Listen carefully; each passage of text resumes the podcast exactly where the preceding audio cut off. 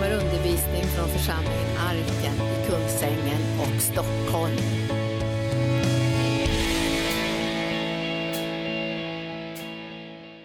Ja, eh, ikväll så ska vi tala lite grann om eh, eh, vikten av att ha med sig i livet både det som vi kallar för eh, vad ska jag säga, vanlig eh, helgelse och det som vi kallar för frälsning, så att vi, liksom, och kan, att vi kan göra en, liksom en tydlig skillnad på de sakerna.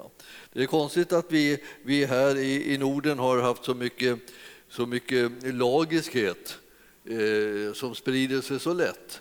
Det liksom tilltalar oss på något vis att vi ska kunna liksom klara upp saker och ting och gå i land med eh, grejer. Eller att vi väljer den andra vägen, nämligen att vi hela tiden istället ger upp inför varje uppgift som vi får och tänker att det, jag får väl bekänna att jag, jag, jag klarar ingenting, jag kan ingenting, jag vet ingenting, allt är omöjligt och hopplöst och så. Och så vi har liksom lite olika såna här tendenser att liksom glida åt det ena eller andra hållet så behöver man höra vad Gud säger till oss i ordet för att bli räddad ifrån massa konstiga livsstilar som ingen människa står ut med egentligen. Utan det här att vara, att vara en person som har fått höra om Jesus och hört om hans gärning och hans seger på Golgata, det, är liksom, det, det gör hela skillnaden. Den som börjar tro på att det, det är sant vad Jesus har gjort, vad han har, har burit i vårt ställe, vad han har liksom löst oss ifrån och så hur han förvandlat vår livssituation. När vi får höra om honom, då börjar liksom det skapas en förutsättning för att vi ska kunna få leva ett sådant liv som Herren har tänkt. Alltså ett rikt, härligt liv fullt med glädje och kraft och, och möjligheter. Alltså det är inte så att Gud liksom tänker jag ska jag försöka hålla dem på mattan, utan det är så att han har tänkt att, att hålla upp oss och liksom inspirera oss och känna, jag tänka att ingenting är omöjligt för den som tror. Vi har möjlighet att göra Herrens vilja och när han talar till oss, när han utmanar oss, så är det vi som kan gensvara till det och känna oss frimodiga och glada. Och vi behöver inte alls gå och tänka att ja, jag kommer säkert att misslyckas. Det kommer inte alls. Om Herren är med dig, och gissa att det är precis det han är, alltså. han är med dig, då är ingenting omöjligt. Aldrig är någonting omöjligt för den som tror. Och det beror på vad Jesus har gjort för oss. Så att vi har en frälsare och han har lyckats frälsa oss. Så när vi tror på den frälsningen som han har gjort för oss och utverkat, ja då blir vi delaktiga av ett helt annat liv än det här där vi hela tiden känner oss liksom knäckta och otillräckliga. Utan det, det är godkänd och accepterat så att säga, utav Gud. Och så består det av, av, av glädje liksom, och, och frid. Det här är liksom sådana ingredienser som man inte kan kombinera med att man går omkring och känner sig värdelös hela dagen. Utan det är liksom det sånt där som man kombinerar med att liksom, i det där riket lever jag som har del av de här sakerna och min glädje vill Herren ska bli fullkomlig. Därför har han liksom också utlovat bönesvar. Han liksom säger be till mig bara, be till mig så ska jag, ska jag ge det som ni ber om för att er glädje ska bli fullkomlig. Man tänker, kan man tro honom om det? Ska han inte ransonera det, ge små portioner så där, som nästan inte gör en enda människa glad? Liksom man bara så hankar sig fram, liksom man, precis, man har liksom näsan över vattenytan och tänker så här, ah, måste jag klara mig hela vägen ut så här, att det, och inte gå under på vägen då? Nej, Herren, Herren har tänkt att din glädje ska bli fullkomlig. Och jag, jag tänker ibland så här, det är tillåtet att, att fundera över hur det känns när ens glädje är fullkomlig. Det är tillåtet att liksom tänka på det istället för att tänka på liksom hela tiden hur det känns när, när allting går åt skogen. Det känner vi ju till också. Liksom, tycker vi, liksom, så det med, så vi har liksom erfarenheter. Samlar vi på dåliga erfarenheter så kan vi riktigt bli, liksom, bli hängiga hela livet. Men Herren är den som säger Hör vad jag har gjort för er. Se vilken underbar gärning som frälsningen är. Se vilken räddning som ni har fått allesammans genom att, det att Jesus har vunnit seger på Golgata. Se vilken härlighet som har kommit genom att han inte bara har gett sitt liv för oss utan han har uppstått ifrån de döda så att du och jag kan verkligen vara övertygade om att, att segern är vunnen Eh, synden alltså är försonad, vi, vi, är förlåtna, vi är liksom befriade från de destruktiva krafter och makter som råder i den här världen. Vi är ett befriat folk. Och jag känner det att när vi börjar tänka i de här banorna, eh, det goda som kommer ifrån Herren, då kommer vi kunna liksom stå till hans förfogande. Så när han börjar tala till om oss och vad han vill att vi ska göra så säger vi ja Herre och så går vi in i det med frimodighet därför att han har lovat att vara med oss alla dagar intill tidens ände. Han har lovat att hjälpa oss, han har lovat att ladda oss med sin kraft och härlighet så att vi hittar utvägarna och lösningarna istället för att vi liksom på något sätt bereder oss på att vi kommer att gå under. Vi kommer inte att gå under, vi har redan vunnit seger genom Jesus. Så var, liksom, eh, var lite beroende av din frälsning frälsare istället för att vara beroende av din svaghet. Den är, det, det, det är fel sak att luta sig mot. Eh, vår svaghet den struntar vi och eh, vår frälsare den gör vi mycket väsen av för han har vunnit segern. Och det är honom vi liksom litar på, det är honom vi räknar med för att eh, Guds goda vilja ska kunna ske. Alltså det, det, det, vi tillhör ett folk som känner till vilken frälsare vi har. Att jag, jag tänker ibland så här, olika tider i, i man, man, lärde mig så här när jag gick och studerade eh, också liksom den konsten, va, i, eh, den, den, den kristna eller religiösa konsten. Så, så kunde man se där vad folk tänkte på liksom mest när de, när de, i deras andliga liv i olika århundraden. Så där. När, när, när kristendomen kom till Sverige då, då, då avbildades Jesus som kung på korset. Alltså han, han var avbildad på korset, han hade en krona på huvudet, han stod så här. Stod han, så här. Ja, jag har vunnit seger, jag, jag är liksom den herre som har segrat och, och trampat bara synden, döden och djävulen under mina fötter. Jag har all makt i himlen och på jorden. Och var, så avbildades han på korset. Han såg ut som en, liksom, nästan som en liten stålman. Nästan så här. Han var starkast av alla. Så och, och, då tänkte de att och då tyckte vikingarna så här, wow, vilken, vilken man, honom ska vi följa, han, han har makten, honom, han vill vi överlåta oss till. Och visst, men så dröjde det bara några århundraden så här. Så kom vi in på 1300-talet, 1400-talet. Då, då, då fokuserar man på helt andra saker. Om man tittar på vilka krucifix man gjorde då, då, då hängde han där på korset. Liksom.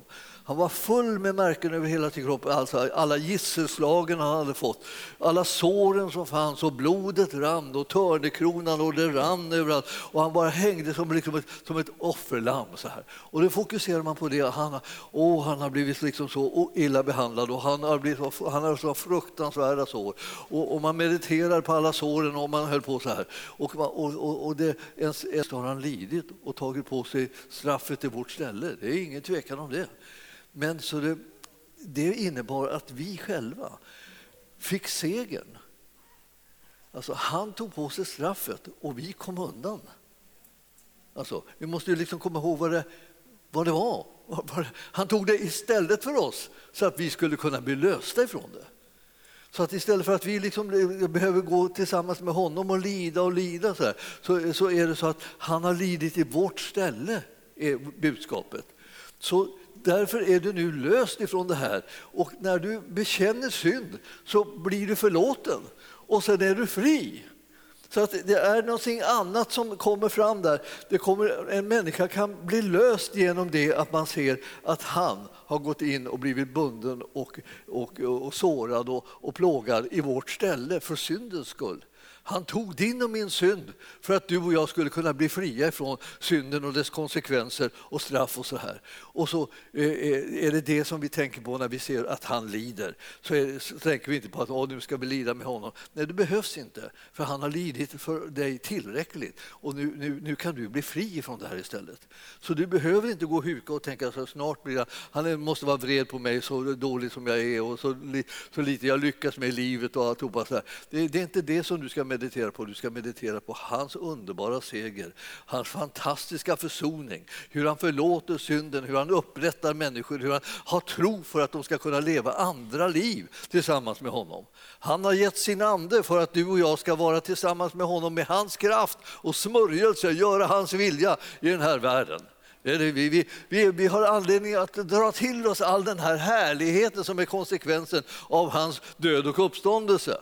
Så att, eh, därför så har vi ett nytt liv, därför har vi ett annat liv än det som var bara vad vi själva kunde förmå, förmå oss till liksom, att klämma fram liksom, när vi nästan blev överansträngda för, för att vi ska, ska försöka leva som vi skulle och borde och allt det här. Eh, det här när vi läser våra biblar så, så kan man se vilken fantastisk effekt det har att Herrens ande har kommit och tagit sin boning i våra liv. Alltså, han, han, han bor i oss. Och när han bor i oss så börjar det plötsligt bli sak, konsekvenser av det ut i livet. Och jag, jag tänkte, läste här i, i Filipperbrevet, ehm, ja, ja, man kan läsa på alla möjliga ställen för när man, om, det, om det här med Filipperbrevet så att jag tänkte att vi kunde titta där i andra kapitlet. Så står det om eh, någonting sådär som folk ibland läser då för att, och så blir de, när de läser det så blir de liksom lite knäckta då. För att de, de tänker att det, det här är, ja det var det jag trodde. Det var något elände i alla fall. Höll jag, höll jag nästan på att bli glad, men, men nu, nu då blev det punkterat för nu läste jag liksom här, åh, oh, så här alltså, det här, det, och det här klarar man ju aldrig.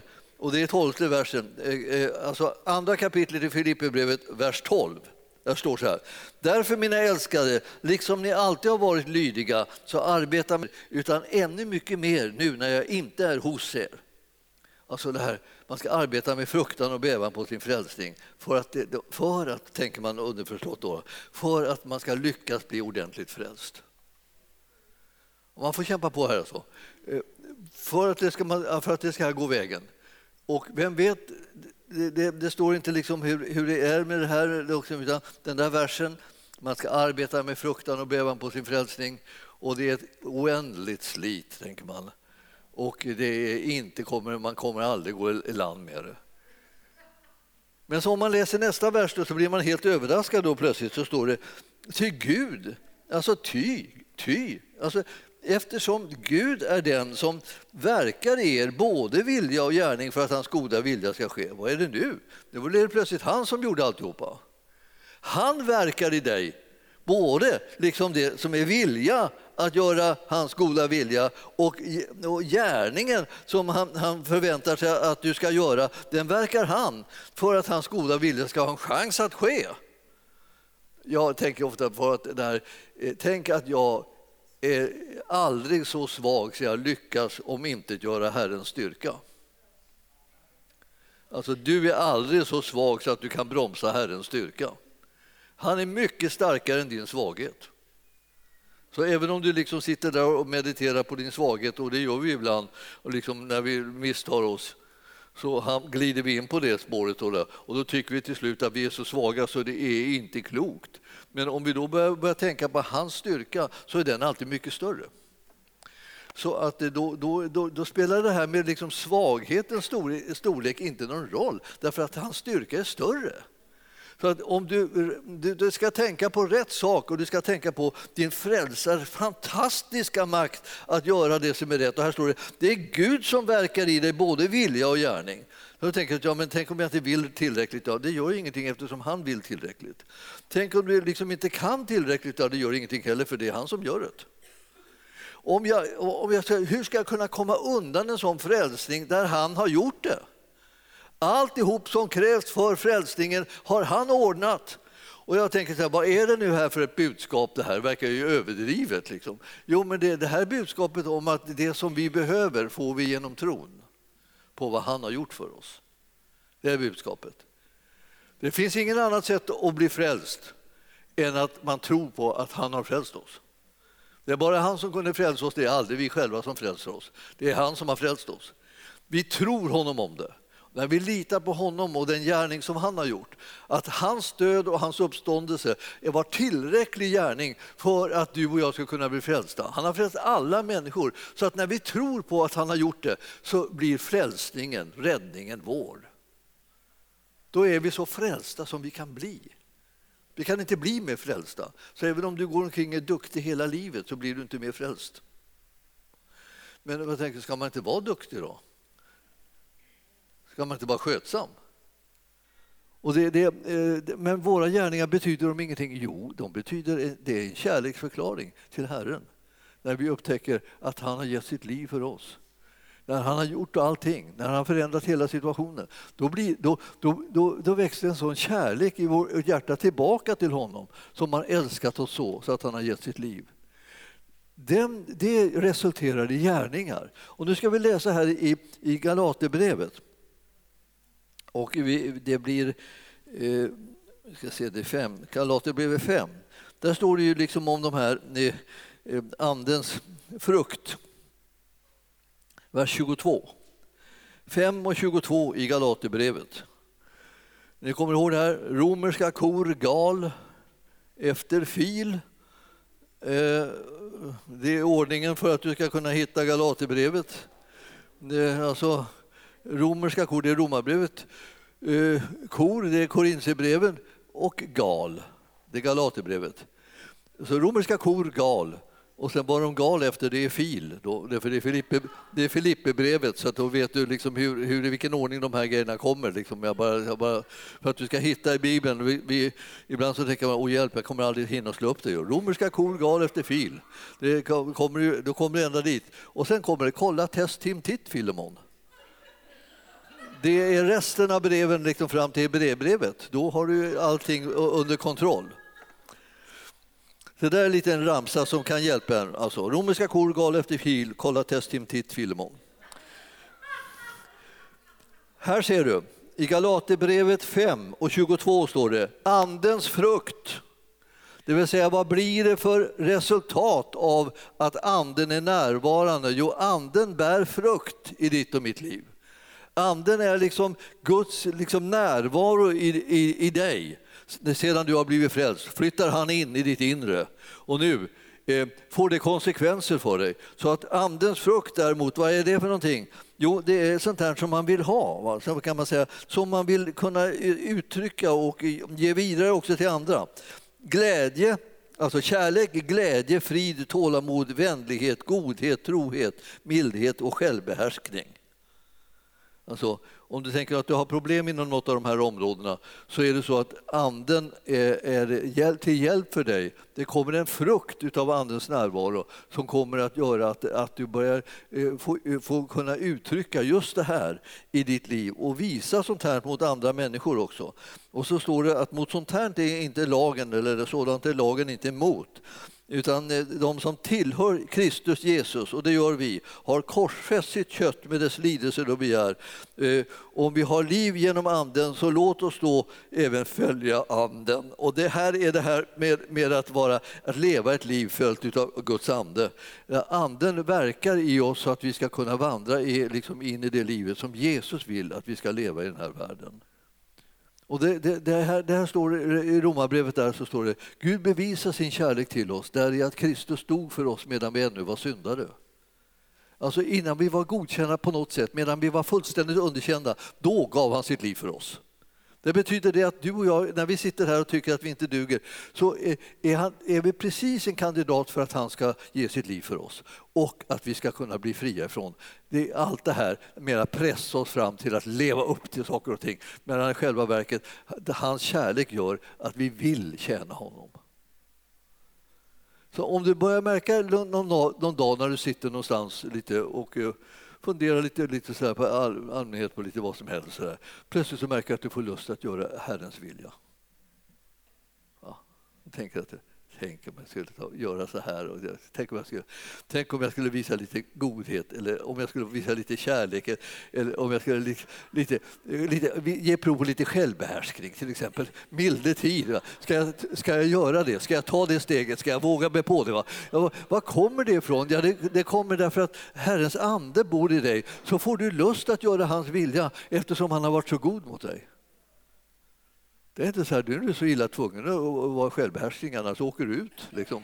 Det, nej, det är det inte. Utan, utan här är det så att Herren möter oss med en sån kärlek så att vi vill göra hans vilja och leva på ett sånt sätt att det ärar Jesus. Vårt liv är till för att prisa, ära och upphöja honom. Han har gett sitt liv för att vi ska kunna bli räddade och frälsta undan det mörker som råder i den här världen. Ni förstår vilket bra, vilket bra byte det här är. Det är liksom, vi, vi kan tala om att, liksom att man, man, han, han byter till sig synden för att dö för den och vi byter till oss livet för att leva det. Han, livet får vi från Jesus och han får synden och han dör för vår syns skull. Och vi får möjlighet att vara de som lever i all evighet. Det är därför som du sa att vi får evigt liv till arvedel. Du och jag har fått evigt liv till arvedel, vi som tror på Jesus Kristus. behövs inte någon mäktigare gärning än det att vi tror på hans frälsningsgärning för att vi ska kunna få evigt liv. Vill vi ha evigt liv? Självklart. Härligt med evigt liv. Det börjar, vi får smak på det redan i Guds rike här på jorden. Just därför att det finns den där fantastiska liksom, kraften, rättfärdigheten och, och, och, friden och glädjen i den heliga Ande. Det är typiskt Guds rike. Det är så det är i Guds rike. Det, är, det, är, det här står det i Romarbrevet 14 och 17. Står det här. Alltså här är det i Guds rike. Man känner igen Guds rike på att det finns det här, rättfärdighet och frid och glädje i den heliga Ande. Det finns där. Och finns det inte där så är det inte Guds rike som är på plats. Så du kan liksom liksom söka upp det, va? Så försöka hitta det, den där platsen, den där situationen, den där, liksom, den där gemenskapen där, där, det, där det är så här härligt, den här provet på det, den underbara rättfärdigheten. Man, man kommer in där, man är godkänd av Gud. Jag, jag älskar, alltså, när, jag, när jag upptäckte att rättfärdighet betyder att man var godkänd av Gud, alltså, alltså jag blev så glad så jag på spricka. Liksom. Jag trodde rättfärdighet var någonting som krävde att jag måste leva på ett övernaturligt praktfullt sätt, liksom som ingen människa egentligen hade en chans på. Utan man skulle nästan överanstränga sig så man sprack för att kunna bli så perfekt så att man skulle kunna kallas för rättfärdig. Och så är det en gåva ifrån Gud som jag tar emot genom tron och som jag får i samband med att jag blir frälst. Och jag är inte ensam om att få den, utan eh, ni har också fått den, ni som tror på Jesus Kristus. Och det betyder det att ni är godkända av Gud och, också, och han, han, han håller inte på att anklaga utan han, han, han, han tar emot er och han accepterar er som ni, som ni är. Därför att ni har blivit rättfärdiggjorda av honom. Alltså han har gjort er rättfärdiga. Alltså, jag tänkte att, det var, att du skulle göra det själv. Men, men det, det, det, det, har, det har han aldrig sagt. Alltså. Utan han har sagt att, att han skulle göra dig rättfärdig. Men vi hör fel därför att vi tror att vi vet bättre. Liksom. Vi, vi, vi, vet ju att kristendomen är ju liksom någonting väldigt kämpigt och krävande. Så därför så liksom, eh, hör vi det hela tiden. Oavsett vad man säger nästan så, så hör vi att oh, det är så pressat och krävande och det, och det är ett otroliga anspråk på hur du ska leva och hur du ska vara. Så att det, man blir bara svettig, man bara tänker på och så kommer någon och säger rättfärdighet och tänker man ja, där gick jag bet på alltihopa, nu är jag fullkomligt hopplös, jag kommer aldrig klara det. Men så visar det sig att det var en present. Gåva. Det var en gratis gåva. Vad gör man när man får en present? Jag menar, de flesta av oss har så mycket vett så att vi tar emot den och säger tack, min. Och nu är den min och när vet jag att den är min så, är det inte, så, så går jag inte omkring och tänker att jag har fått en present. Milde tid, vilken börda. Jag orkar inte dra släparen med mig genom livet, den där presenten. Liksom. Men det här är ju det mest underbara som överhuvudtaget kan hända oss. Alltså, att vi blir godkända av Gud. Och jag, när, när, jag, när jag undervisade på bibelskolan om det här så gör jag det liksom år efter år. Jag har gjort det i 30 år. har, jag sagt, har jag sagt det här och jag, kan, jag tröttar aldrig på att säga det liksom, bara för att jag måste själv höra det igen. Alltså, att jag är en fullkomligt rättfärdig man. Ja, men hur i all världen har det kunnat bli så uppblåst och otäck? Ja, jag, ja, jo, men jag är en sån fullkomligt rättfärdig människa. För att, ni har aldrig sett på maken, det är så fantastiskt alltså. Så fullkomligt rättfärdig jag är. Och då tänker jag, sånt där högbord, han borde stenas. Eller någonting. Men jag kan tala om för sanningen är den att Herren har gjort en fullkomligt rättfärdig person. Och så. Han tog bort allt det och så gav han mig en godkänd status istället. Så jag är godkänd. Det har jag fått genom att han gjorde mig godkänd. Hans gärning på Golgata löste mig från allt det som skulle så att säga, döma ut mig. Och han tog på sig straffet och jag blev fri från det. Och nu är jag godkänd och accepterad av Gud. Det har han gjort mig till. Och, jag tänker så här, och därför vill jag gärna presentera mig för er. Och om ni ser på mig så ser ni en fullkomligt rättfärdig person. Ni tänker att vi har aldrig sett en sån förut. Nu ser ni en så här, vad, vad, vad, men, men om ni stod här där jag står så skulle ni se massor med rättfärdiga personer. Alla vet ännu inte om det, men de har blivit rättfärdiggjorda genom Jesu gärning. Han är det som gör en människa rättfärdig, inte vi. Därför kan vem som helst av oss som tror på Jesus upptäcka att vi har blivit rättfärdiggjorda godkända och fullständigt accepterade av Gud. Om vi hittar den identiteten så kommer vi kunna bli fria från att leva för oss själva. Då kan vi leva för honom och tjäna honom istället. Vi behöver inte hålla på att springa omkring och försöka vara godkända. Vi är ju redan godkända. Ja. Det här är ju liksom en, en sån här sanning som, som, eh, som egentligen alla kristna skulle få lov att tro på. Men det är inte säkert att de gör det ändå, för en del tycker att det är för bra. Och vi har svårigheter med saker och ting som är bra. Dåliga saker det kan vi ta åt oss och visslar om. Om de kommer att påpeka något litet fel på någon liten brist så där, suger åt oss det liksom, och så går vi omkring och känner oss skyldiga och, och döm, fördömda och alltihopa det här. Men om någon säger att du, du är underbar, du, liksom är, du är fullkomligt godkänd och accepterad, du är precis som du ska vara. Så här. Då börjar vi tänka så här, vad är det här för nu? Det här är någonting fult, alltså. det här är något lur, lurigt. Alltså. Så kan man väl inte säga, liksom, att man, är, att, man är, att man är som man ska vara. Det är ingen av oss som, när vi, när vi går och tittar oss i spegeln så tycker vi att det liksom Även när vi är som mest positiva tycker vi att det kanske inte är det, liksom det mest fullkomliga som vi har sett. vi, vi, vi, vi, vill ju backa upp oss själva kanske, men, men det, liksom, det, finns ju gränser för vad man kan hitta på om sig själv. Eh, för man ser ju ändå hur det är. Men du förstår att det som du ser som, som är den här bristen, det är sånt där som Herren har tagit på sig och förlåtit. Och om du skulle ta och behandla det som felaktiga, som bara som synd, så skulle du kunna bekänna synden och bli förlåten och så är du av med det. Det kommer inte något särskilt prov mellan det här. Om du kommer nu där och, och bekänner en synd så här Ja, och så säger han, ja, jag tar det lite sakta, liksom, det här måste vara liksom prövning. Du får lägga upp en prövning liksom, och testa det om du verkligen ångrar du dig tillräckligt. Så här, är du tillräckligt liksom, ångerfull och så. Alltså, och, ja, han sysslar inte med det där, utan saken är redan klar. Han ger gratis förlåtelse till den som kommer och bekänner synd. Och den som blir född på nytt, den blir av med den här synda identiteten och blir istället en rättfärdig identitet i ens inre. Man tänker att det, vill Herren att vi ska vara glada? Eller vill han, tror du, liksom att vi ska vara liksom, eh, ångestfyllda och deprimerade och hängiga? Liksom sådär? Vad är, vad är han mest nöjd med? Om vi, om vi liksom, liksom kryper fram i tillvaron så här och det, blir, han, blir han nöjd då? Så här, Åh, det här verkar vara en ödmjuk person. Den kryper här och den ångrar sig och den ångrar sig hela dagen så här och den bara kryper omkring och tycker att liksom allting är bara elände. Jag har misslyckats med allt. Jag erkänner att jag är skyldig till allt. Allt, allt fel är mitt fel och, eh, och så där. Och eh, då, då, då blir han, åh, vilken ödmjuk person, tänker Herren. Åh, den här, den här var tjusig.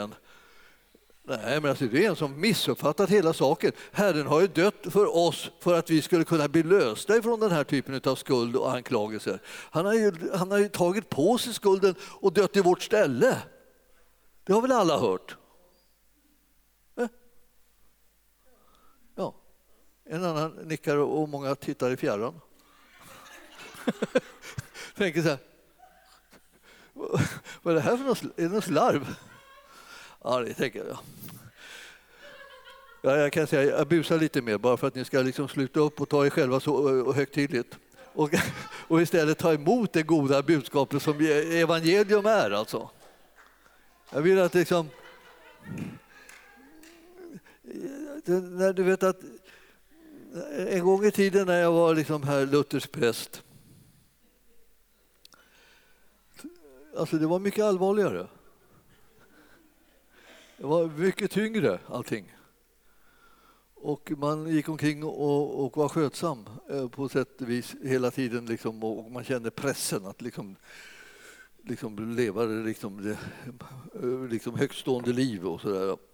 Men, men eh, eh, nu känner man glädje att göra det.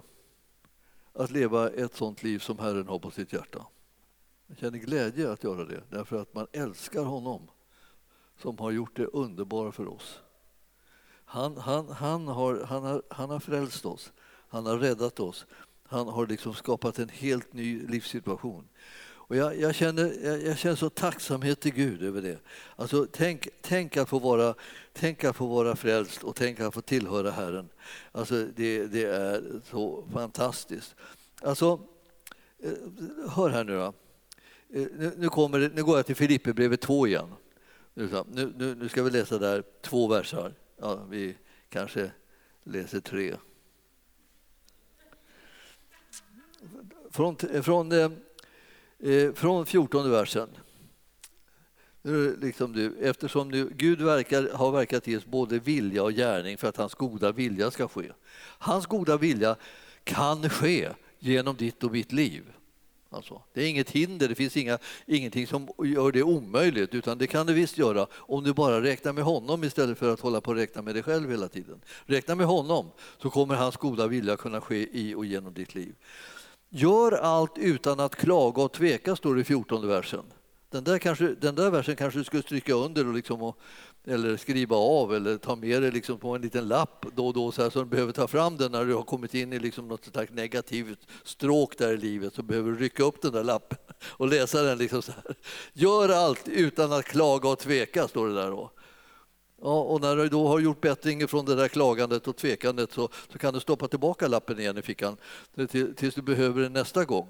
Det kan man behöva många gånger så här innan man kommit in på det här spåret att man låter bli att leva sitt liv framåt genom att klaga och tveka hela tiden.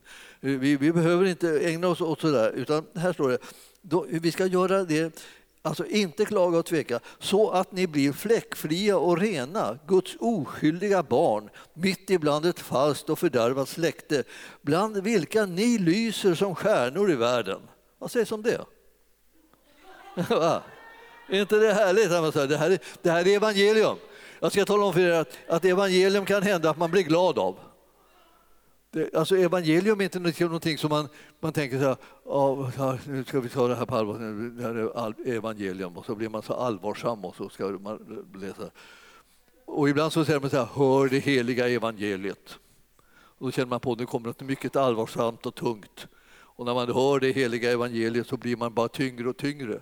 Utan det är själva verket så att det heliga evangeliet är ett gott budskap som lyfter oss upp som visar oss att det finns frihet, där det finns utvägar, det finns lösningar. Därför att Jesus har vunnit en fullkomlig seger på Golgata. Det är inte så att han har, det är bara hans, eh, hans eh, gärning är mer bara ett slags ord och ord, utan det är verklighet.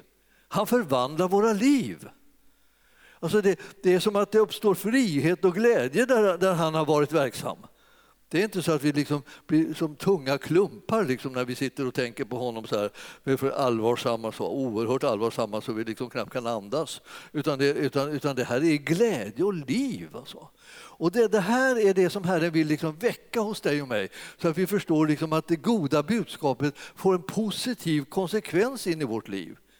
Det får inte liksom en, en dyster, kämpig historia utan det får en härlighet och en glädje som, som, är, som saknar motstycke. Jesus är frälsaren. Han har frälst oss.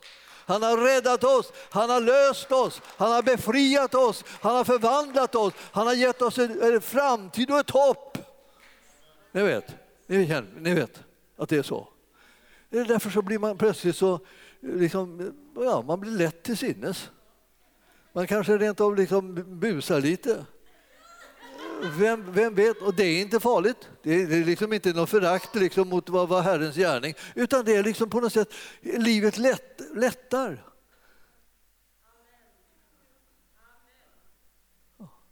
Och, och så finns det en del av er som tycker att det här var inte lämpligt sätt att predika på.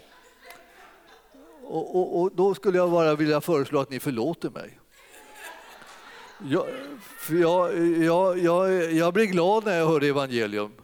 Och när jag tänker på det så tänker jag, det här är det bästa som har hänt mig. Det här är livet alltså.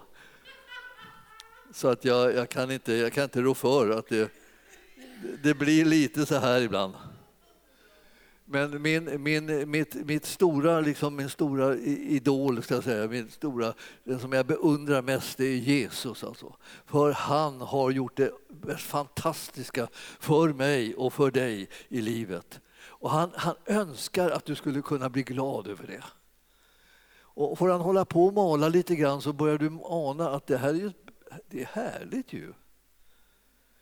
Och, och, livet är ju inte tänkt att det går att leva liksom i Jesu efterföljd om man ska vara för, allt för nedtyngd. Utan man måste ju få en liksom lite lätt, lite språng i steget och lite sådär. Man känner sig lite uppåt när man följer Jesus. Istället för, jag, jag kommer ihåg när man skulle beskriva att Jesus gick upp till Jerusalem. Ni vet, eh, ser vi gå upp till Jerusalem i fastetider, där, den här sången. Då. Då, då, då, var det så att man skildrade det som att, eh, och det står ju så att liksom Jesus gick före lärjungarna och så kom de efter. Och då kom de och släpade på steget för de ville inte upp till Jerusalem. För de hade hört att där skulle hända massa, massa obehagliga saker och Jesus skulle råka ut för massa, han skulle fängslas och han skulle plågas på olika sätt och så. Och, då, och de ville inte gå dit. Så de gick sakta liksom och drog liksom på steget. Så Jesus var liksom före där, långt före där. Och så kom lärjungarna motvilligt hasande efteråt, så här, fast de inte ville. De kände sig ungefär som att de, de gick till sin avrättning. Liksom, kan man säga. Men det var ju Jesus som gick till sin avrättning, men det var, de kände det som att de följde honom och nu skulle han dö. Och, eh, eh, och det, här, det här var ju sånt där som, som, som, som låg nära till hans i, i tankegångarna. Liksom. Eh, och när, när, när Lazarus till exempel var, var så dålig så att han höll på att dö och då skickade de efter Jesus och skulle Jesus komma och, så, och då var det en av lärjungarna som föreslog låt oss gå, gå till Lazarus och dö med honom, så, till, tyckte en av lärjungarna. Vad var det för något? Det, det var liksom en from fras, liksom, som om det var nödvändigt att de skulle gå liksom och dela lidandet så att säga och dö tillsammans med honom för att de riktigt skulle visa att de var engagerade i hans livssituation. Men Herren är ju den som eh, uppväcker döda. Så när han går dit sen, han väntar till Lazarus dör innan han går dit. Jag vet, det är helt olämpligt i allas ögon. Liksom. Varför går han inte dit nu? Han har hört att han är döende, han måste skynda sig. Liksom. Nej, han stannar kvar där och grejar liksom vad det var för någonting han höll på med och predikade eller, eller pratade med folk och så. Och sen så småningom så här så, så, eh, så när Lazarus har dött, då går han dit. Men då går han inte dit för att dö med honom utan då går han dit för att uppväcka honom från de döda. Så Jesus är, är liksom för livet. Han bereder liv, han bereder utvägar, han bereder lösningar och möjligheter. Och jag, vill, jag vill bara påpeka det här för dig idag. Alltså, när man kommer till Herren Jesus då, då, blir man, då blir man hjälpt. Då blir man frälst, då blir man eh, befriad, då blir man rättfärdiggjord och godkänd av Gud. Då blir man, då blir man en, en person som får del av glädje och frid. Och det här är ju sånt där som är så fantastiskt, alltså att, att få leva ett sånt liv tillsammans med Herren. Han har vunnit en sån seger så att den förändrar våra liv så i grunden. Så att om vi bara släpper in det och börjar tänka lite mer på hans gärning än på vår, våra misslyckanden så kommer vi att kunna eh, få en balans i livet och inte liksom börja känna oss nedtryckta och, och nedtyngda utan vi börjar känna att det har blivit lättnad. Vi har, vi, det finns förlåtelse för synd, milde tid. Vi kan kasta av oss bördan. Vi kan bli av med det här för Jesus har tagit på sig det. Allt sammans är redan undanröjt. Du har har möjlighet att bli delaktig i det och få ett helt annat liv än det här att du, att du ska ta på dig alla, all, all skuld och så här. Och en del går liksom att ta på sig inte bara sin egen skuld utan håller på att ta på sig andras skuld också. Man liksom, för säkerhets skull så ber man, ber man om förlåtelse för andras synder och sådana här grejer. Man, man gör i huvud taget en massa konstiga gärningar som, som är helt onödiga när man, när man kan bli förlåten och få ett, ett nytt liv. Herren håller på att skapa frihet. Ja, det var inte någon större entusiasm över det, men det var, det var i alla fall...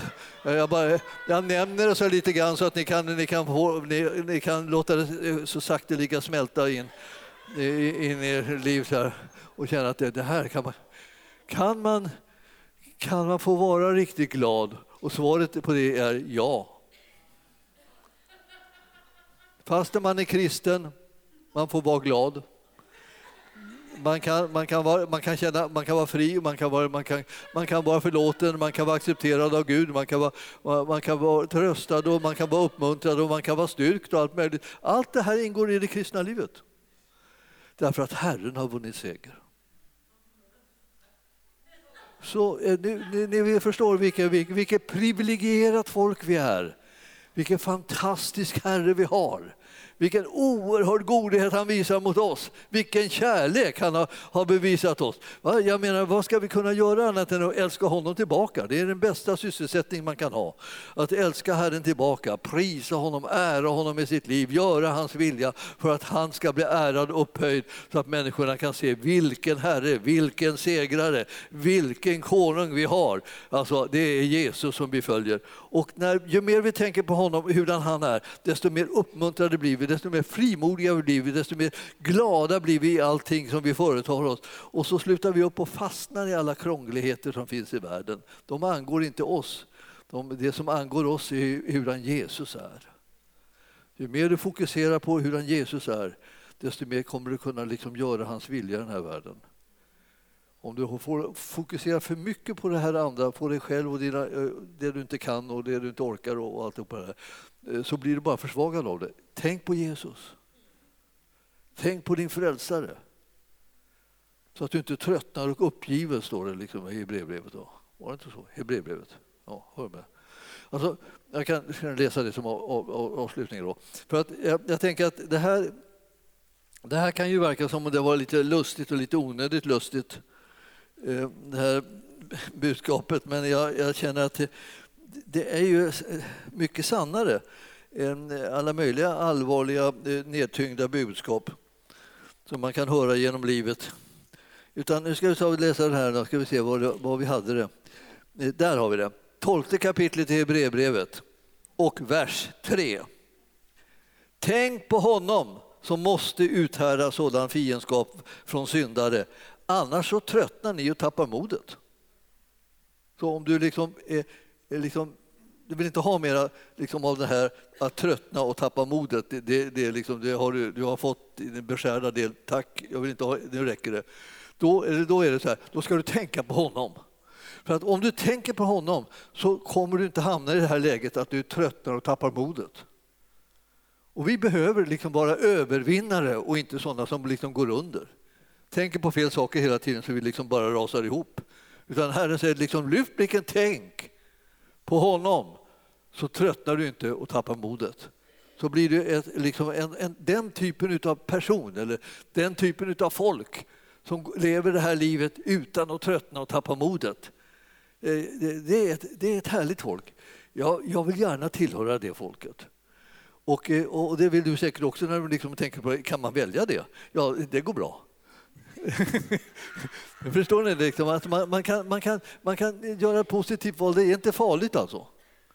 Och då man tänker så här, ja men eh, eh, det är inte så lätt för mig att göra det. Nej, jag kan förstå det. Och det är ibland så att det är inte saker ting som alltid är lätta bara för att de är liksom goda och fina.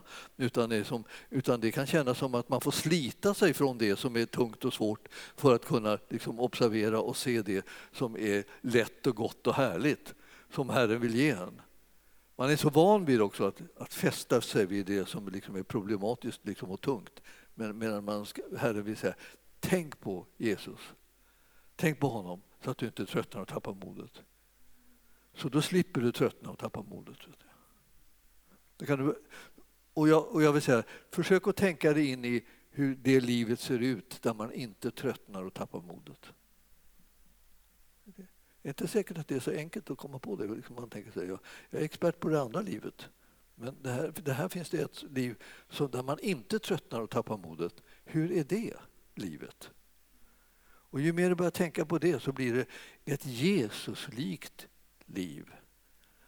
Alltså så som han levde han var, levde här i världen, hur han, hur han liksom verkade. Jag pratar inte om själva försoningsgärningen utan jag pratar om det här exemplet som han gav när han gick här på jorden. Att vara Jesuslik. Vi ska vara lika Jesus. Det är det som han, han utmanar oss till. Följ mig. Lär av mig Se på mig. Liksom. Så, så vill han. Och så ska vi lära oss det och då blir vi Jesuslika. Och det är det livet som är det riktiga människolivet, människovärdigt liv. Alltså. Amen och amen och amen. Tack Jesus för ditt underbara ord. Tack Herre för att det ibland är så, är så gott och så bra det ordet så att vi nästan knappt kan fatta det eller eh, klara av att handskas med det. Men vi vill ha det som du har vunnit för oss. Den seger som du har vunnit för oss, den vill vi ha. Vi vill ha dess, alla dess underbara konsekvenser, alla dess resultat, alla dess följder. Vi vill ha absolut allt sammans som du har utverkat åt oss. För vi tror att vi behöver det som du har vunnit för vår räkning. Så Herre, vi tar emot det, vi öppnar våra hjärtan för det, vi öppnar våra sinnen för det, vi öppnar våra tankar, vi öppnar vårt livs omständigheter för det. Vi vill ära dig med det liv som vi lever här på jorden så att du blir synlig för människorna och att de kommer ta emot dig i sina hjärtan. I Jesu namn. Och församlingen sa Halleluja. Tack Jesus, tack Jesus. Vi ska avsluta den här kvällen med att eh, fira eh, det nya förbundets måltid. Och eh, det ska vi göra inledningsvis med att vi, vi talar om eh, eh det som eh, vi har den stora förmånen att kunna göra, nämligen att bekänna synd och få den förlåten. Att kasta av oss bördor, misslyckanden och svårigheter så att vi kan bli fria och kan leva för Herren. Och eh, i första Johannes brev, som vi i nionde versen där så står det hur, vad som händer när vi bekänner synder som vi har begått. Alltså när vi misslyckas med saker och ting så, så, så är det ingenting som vi behöver sätta oss ner och meditera på i det oändliga utan det är någonting som vi ska göra oss av med så fort som möjligt. Och i det här fallet så står det här att om vi bekänner våra synder eh, så är han trofast och rättfärdig så att han förlåter oss våra synder och renar oss från all orättfärdighet. Och sen när, när det är gjort eh, så är man ren från all orättfärdighet. Och vad blir det kvar då? Rättfärdighet. Det kvar. Att man är godkänd, accepterad och mottagen av Gud. Alltså. Det är det som är kvar när man har gjort sig av med synden och orättfärdigheten. Och det skedde genom att man bekände synden eh, och att Herren var trofast mot oss. Han är trofast att när du bekänner synd så kommer han att förlåta dig. Det är det han lovar i det här ordet. Så att vi, måste vi behöver använda oss av den här möjligheten för att vi ska bli fria från det som annars håller oss tillbaka i livet. Som gör att vi inte kommer någonstans och att det inte blir någonting, att, att allting hakar upp sig och, och, och bryts sönder och sådär. Vi ska behöva få bort det så att vi kan göra eh, det som är Herrens vilja och göra det med glädje och frihet. Så eh, eh, låt oss ha en liten stund bara då vi lyssnar till Herren om det är någonting som han vill att vi ska bekänna, någonting som vi ska eh, eh kasta ifrån oss, som vi inte har gjort upp med tidigare ska jag säga. Så eh, eh hitta inte på någonting utan bara, bara det, som, det som Herren lyfter fram för dig när du frågar, är det någonting Herre? Som du vill att jag ska liksom bekänna som inte jag har tagit upp redan. Så kommer han att göra dig liksom uppmärksam på det. Och då bekänner du den synden och sedan så tar du emot förlåtelseorden när jag, när jag riktar dem till dig här om en liten stund. Då kommer vi till dig Herre och vi ber att du talar till oss om det är någonting som du vill att vi ska bekänna. Något specifikt som vi behöver liksom göra upp med och lämna eh, över till dig för att vi ska kunna förstå att vi är, är fria också från detta. Så tala till oss här, vi lyssnar nu en liten stund för att fånga upp det från dig. Och du som inför Gud har bekänt din synd, till dig säger jag, din synd är dig förlåten i Faderns, Sonens och den helige Andes namn. Amen.